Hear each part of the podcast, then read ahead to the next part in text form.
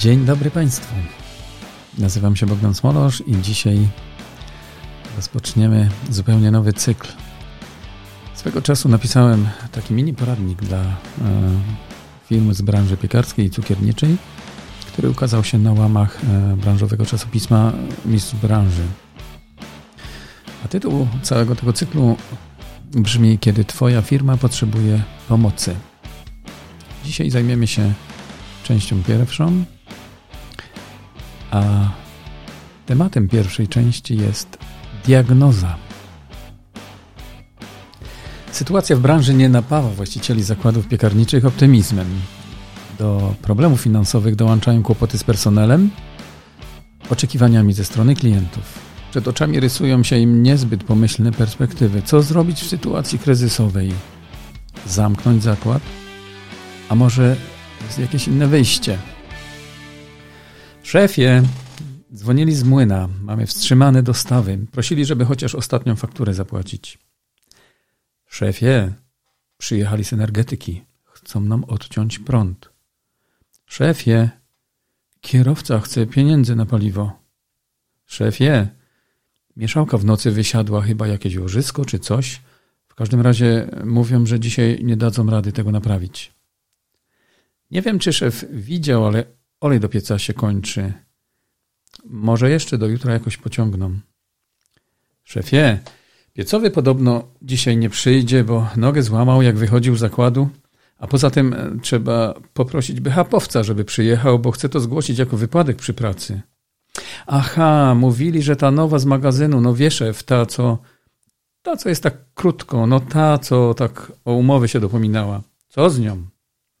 W ciąży jest podobno. Szefie dzwonili ze sklepu na Piastowskiej. Był sanepid.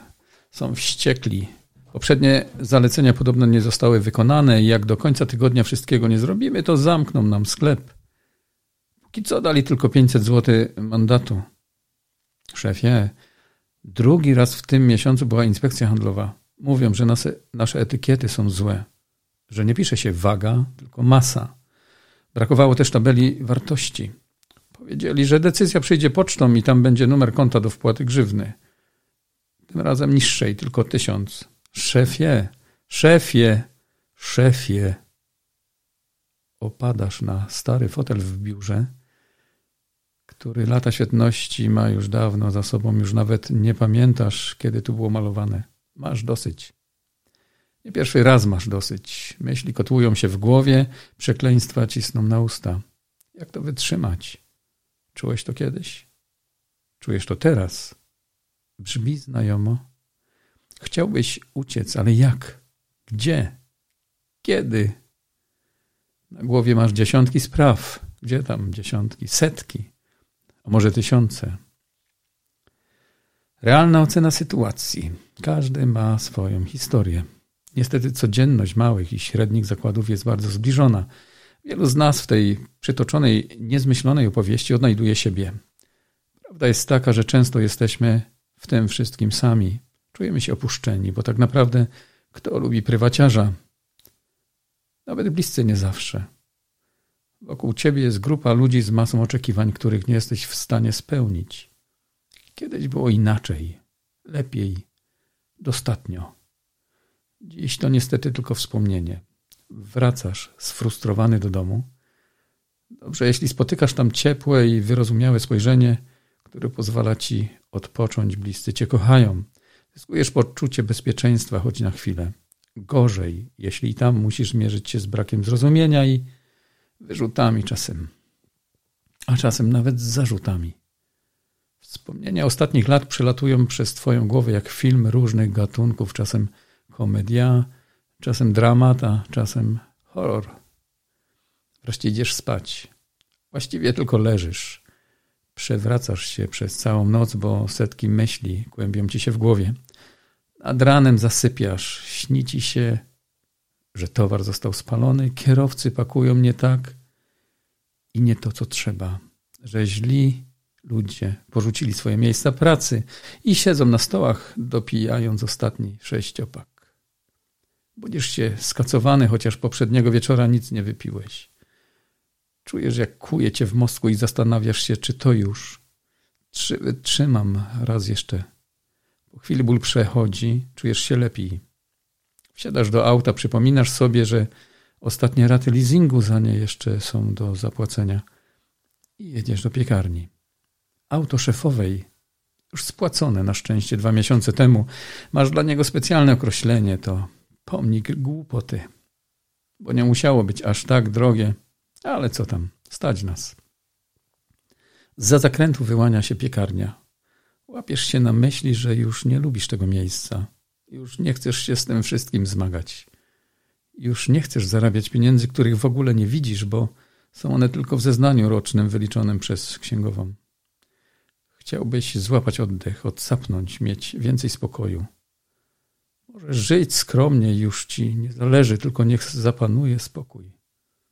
Prawda jest taka, że opisana sytuacja to nie wyssane z palca bzdury, ale realia życia kilkuset właścicieli piekarni cukierni. Trwa kolejny ciężki rok. Tak naprawdę jeden z dziesięciu, a to nie teleturniej. Już od wielu lat małe i średnie zakłady w naszej branży zamykają się i na nikim nie robi to większego wrażenia. Niestety najczęściej ponosimy konsekwencje naszych złych decyzji, nieprzemyślanych zakupów, zaniedbań, arogancji, kiepskiego traktowania współpracowników, siedzenia w biurze zamiast bycia na hali produkcyjnej, wreszcie braku wiedzy fachowej i zależności od pracowników najemnych. Z premedytacją mnie pokazuje czynników zewnętrznych, bo te są podobne dla wszystkich. Nie szukam usprawiedliwienia dla sytuacji, w jakiej się znaleźliśmy. Nie szukam wymówek. Przez lata w branży pokutowało myślenie, że jakoś to będzie. No i jakoś jest. Zaspaliśmy. Daliśmy się zwieść mylnemu myśleniu, że wszystko zrobi się samo, że nasze minimalne zaangażowanie wystarczy. Pamiętamy, jak w czasie, kiedy już było źle, pojechaliśmy na drogie wakacje. A szefowa zamówiła nową kuchnię do zbyt dużego domu. Jest pomysł, weźmiemy kredyt. Przecież obroty jeszcze są. Weźmiemy trochę większy, żeby starczyło na spłaty poprzedniego. Może zostanie coś na zgaszenie bieżących pożarów. Oddech. Kupiliśmy chwilową ulgę. Można odsapnąć. Ale to tylko pozory, niestety. Diagnoza brzmi: Nie jest dobrze. Co dalej? Zaciskanie pasa. Kiedy już zdaliśmy sobie sprawę, jak naprawdę wygląda nasza sytuacja, wypadałoby podjąć jakieś kroki i decyzje. Zaczyna się zaciskanie pasa, ani to przyjemne, ani szybko przynoszące zmiany. Jednak bez zakręcenia kurka z pieniędzmi na wydatki nie zauważamy żadnej większej zmiany. Podejmujemy więc decyzję, że koniec z nowymi kredytami, pożyczkami i chwilówkami. Absolutnie nie prosimy, nie namawiamy i nie naciskamy na rodzinę i znajomych, prosząc o finansowe wsparcie, bo takie zachowanie niszczy relacje. W końcu to my ponosimy odpowiedzialność za aktualną sytuację, nie oni. Poza tym prawie nigdy nie udaje się dotrzymać obiecanych terminów. Wtedy w oczach bliskich i znajomych wyglądamy coraz gorzej. Majątek pod młotek. Spójrzmy wstecz na posiadane zasoby. Zbyteczne nieruchomości, budynki, działki i tym podobne. Zapewne generują koszty, nie przynosząc niczego. Oprócz świadomości posiadania i podatku od nieruchomości nie dają nic w zamian. A pomysł, jaki mieliśmy, kiedy je kupowaliśmy, nigdy nie został zrealizowany i pewnie tak już zostanie, bo czasy są inne, bo nasze pomysły zupełnie odstają od rzeczywistości, stały się nieaktualne. Mamy mnóstwo zbytecznych rzeczy, które należałoby natychmiast zamienić w gotówkę. Maszyny, urządzenia i wyposażenie zalegające w garażach, stodołach i magazynach trzeba przygotować do sprzedaży. Za mało za nie dostaniemy? Pewnie za mało, ale dużo nie dostaniemy już nigdy. Żal? Jeszcze jak? Ale to nie zmieni rzeczywistości. Sprzedajemy za tyle, ile ktoś skłonny jest zapłacić. Czyścimy i naprawiamy lub nie. Zadając sobie trud lub zlecając to komuś, najlepiej naszym dzieciom lub wnukom, obiecując im prowizję, Wtedy ktoś zrobi to z radością i przyłoży się do tego, bo nam oczywiście nie bardzo się chce. Ugoda z ZUS-em. Zapewne mamy zaległości w ZUS-ie od 2016 roku. Możemy podpisać z nim ugodę, rozkładając zaległości na kilka lat. Bezwzględnie warto to zrobić, mimo że przygotowanie papierów zabierze trochę czasu, ale w końcu prowadzi do wolności. Podejmujemy dialog ze wszystkimi wierzycielami. To zawsze daje lepszy efekt niż unikanie kontaktu i zaprzestanie jakichkolwiek wpłat. Nie bójmy się słów przepraszam czy proszę wybaczyć. Nie bójmy się przyznać do winy, że zawaliliśmy i że ponosimy za to wszystko odpowiedzialność. Wtedy wierzyciel będzie skłonny nam współczuć, zamiast oddać sprawę do komornika. To zawsze przynosi pozytywny efekt. Telefony milkną, a cała sprawa uczy nas pokory. Walcz do skutku. Analizując sytuację i podejmując opisane kroki, przede wszystkim unikamy stanu załamania i podejmujemy walkę, bo to ona może poprawić naszą sytuację.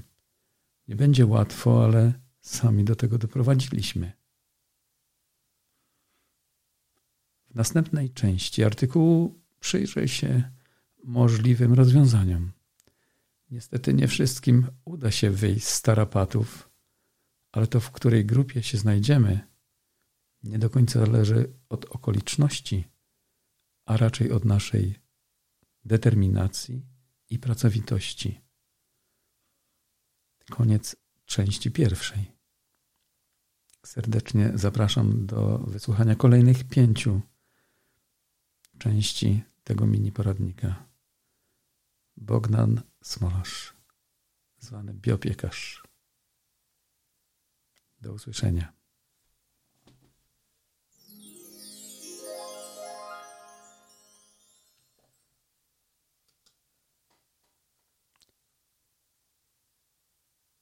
Naprawdę